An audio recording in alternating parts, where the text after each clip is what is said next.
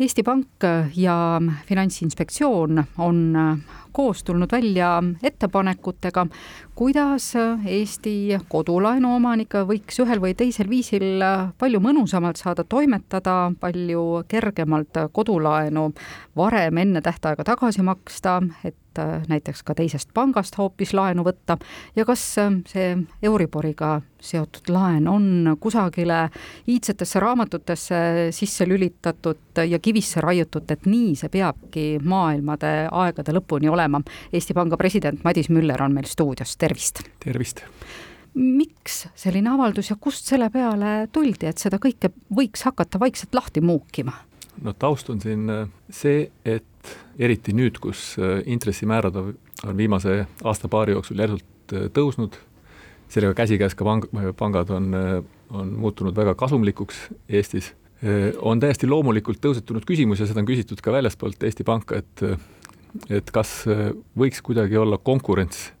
Eesti pangandusturul tugevam või kuidas meil sellega üldse hetkel olukord on ja kas võiks midagi olla meie turupraktikates võib-olla teistmoodi ja klientidele soodsamat. Ja sellest kõigest innustut-, innustununa me siis tegime sellise analüüsi, et vaatasime tegureid, hindasime tegureid, mis üldse mõjutavad Eesti pangandusturul konkurentsi, seda, kui palju meil siin äh, panku on ja kui palju äh, võiks mahtuda sellisele äh, väiksele turule neid ja, ja et siis kui suur ikkagi see konkurentsisurve on. järeldus üldiselt on võib-olla ootuspäraselt, et, et kuna Eesti on ikkagi nii väike riik, me ei saagi oodata, et siin oleks nii palju panku kui Saksamaal või Prantsusmaal ja see konkurents täpselt samamoodi töötaks. aga siiski noh, tuleb tõdeda, et,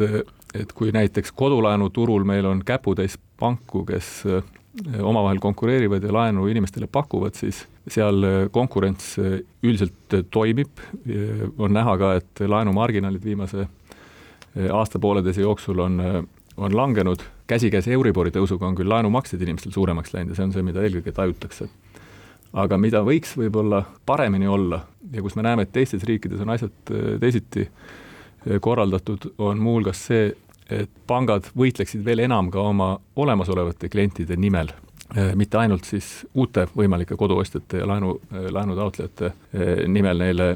siis pakkumisi tehes. Ja seda toetaks meie arvates see, kui oleks vähem tülikas ja võib-olla ka vähem kulukas vajadusel ka panka vahetada ja võtta endale, isegi kui sul on juba kodulaen, siis alternatiivseid pakkumisi ja, ja sundida selles mõttes ka enda, enda panka rohkem pingutama, et, et sulle võimalikult häid äh, tingimusi pakutakse. ehk see ei pea olema, et ma olen nüüd laulatatud selle pangaga koos oma laenuga kahekümne viieks aastaks, niikaua kui mul see laen kestab, vaid no näiteks nagu mobiilioperaatori juures äh, vahetan iga paari aasta tagant, äh, iga aasta, kolme tagant no võib-olla eesmärk ei pea olema, et iga aasta-kolme tagant inimesed oma kodulaenuga koliksid ja, ja nii tihedasti panka vahetaksid.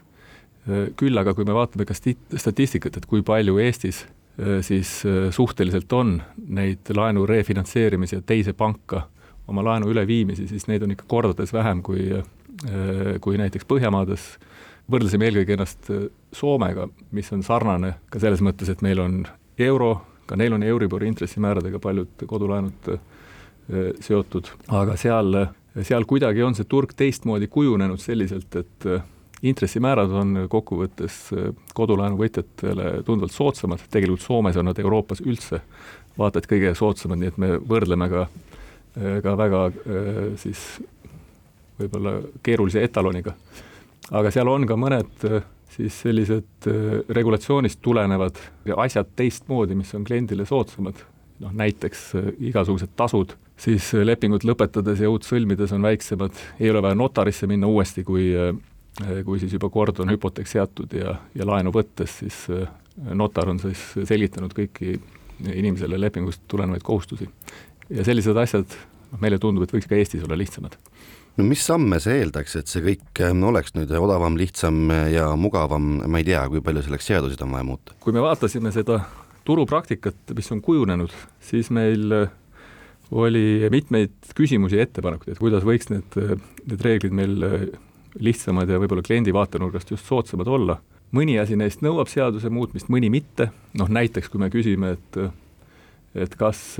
ka laenu siis teise panka üle viies on ilmtingimata vaja notaril seal selles protsessis ja lepingu muutmises ka osaline olla, selleks et hüpoteeki teise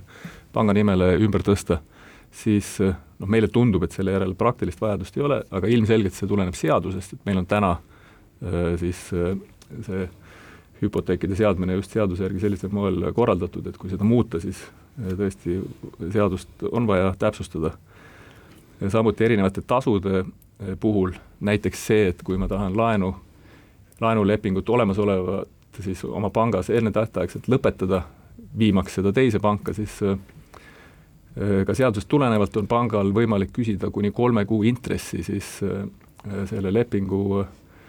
muutmise justkui tasuna, mis on tegelikult päris suur summa. Ja samuti teeb oma laenuga kolimise keeruliseks, kuna see lihtsalt läheb nii pikaks ja tülikaks, see, see protsess et sellest on küll võimalik äh, tavaliselt hoiduda, öeldes kolm kuud ette, et ma kavatsen minna teise panka, aga noh, väga raske on võib-olla saada siduvat lepi-, pakkumist kolm, kolme kuu pärast äh, teisest pangast. ja see, see kindlasti on üks tõkend. on võimalik ette kujutada, et pangad ka ise oma lepingutasusid vähendaksid, aga noh, ega selleks nagu väga selget äh, motivaatorit neil võib-olla ka ei ole, nii et noh, kindlasti on vähemalt arutelu koht, et et kas see regulatsioonist tulenev piir võiks olla teistsugune. siin tulebki see mängu, et äh, reeglina öeldakse Eestis äh, seaduseloojate tasemel nii, et äh, no me ei saa siiski sekkuda, see on samamoodi ju eraettevõtlus, konkurents peab kõik paika panema millegipärast kipub nii olema, et see konkurents ei pane siiski kõiki asju paika, kõik on rahulikult nõus sellega pankade poole pealt, nagu praegu on jah, ma arvan, et konkurents toimib suhteliselt paremini uute laenuklientide eh, puhul, kus tõesti eh,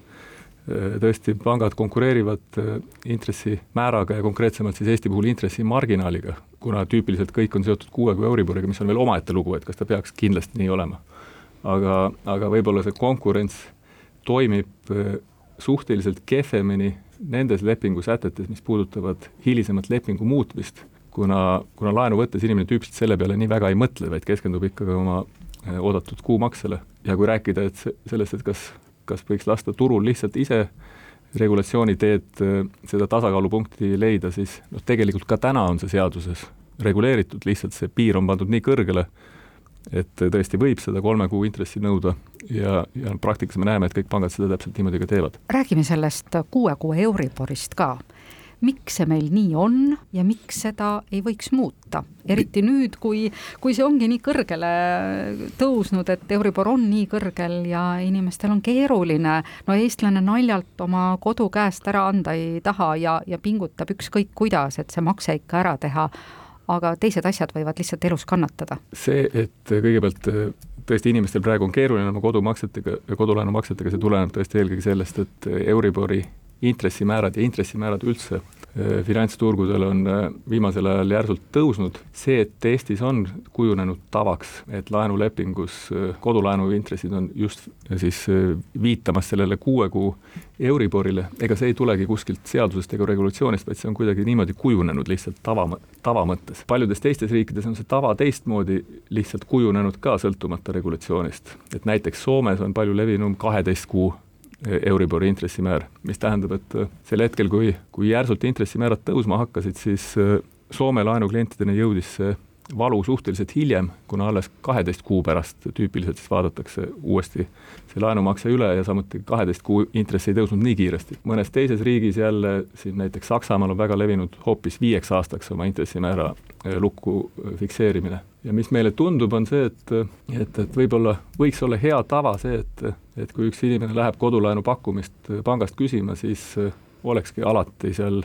pakkumises võimalikud variandid, mille vahel siis saab klient valida, et kas ta eelistab rohkem kõikuvat äh, laenumakset, mis tähendab sidumist näiteks kas või kolme kuu Euriboriga või olgu see kuus või kaksteist kuud või võib-olla hoopis pikemaks ajaks. Selle kindlustunde saamist, et laenumakse äh, järgmise äh, mõne, mõne aasta jooksul lausa ei muutu ja seda, ja seda võiks siis klient vastavalt oma siis nii-öelda riskitaluvusest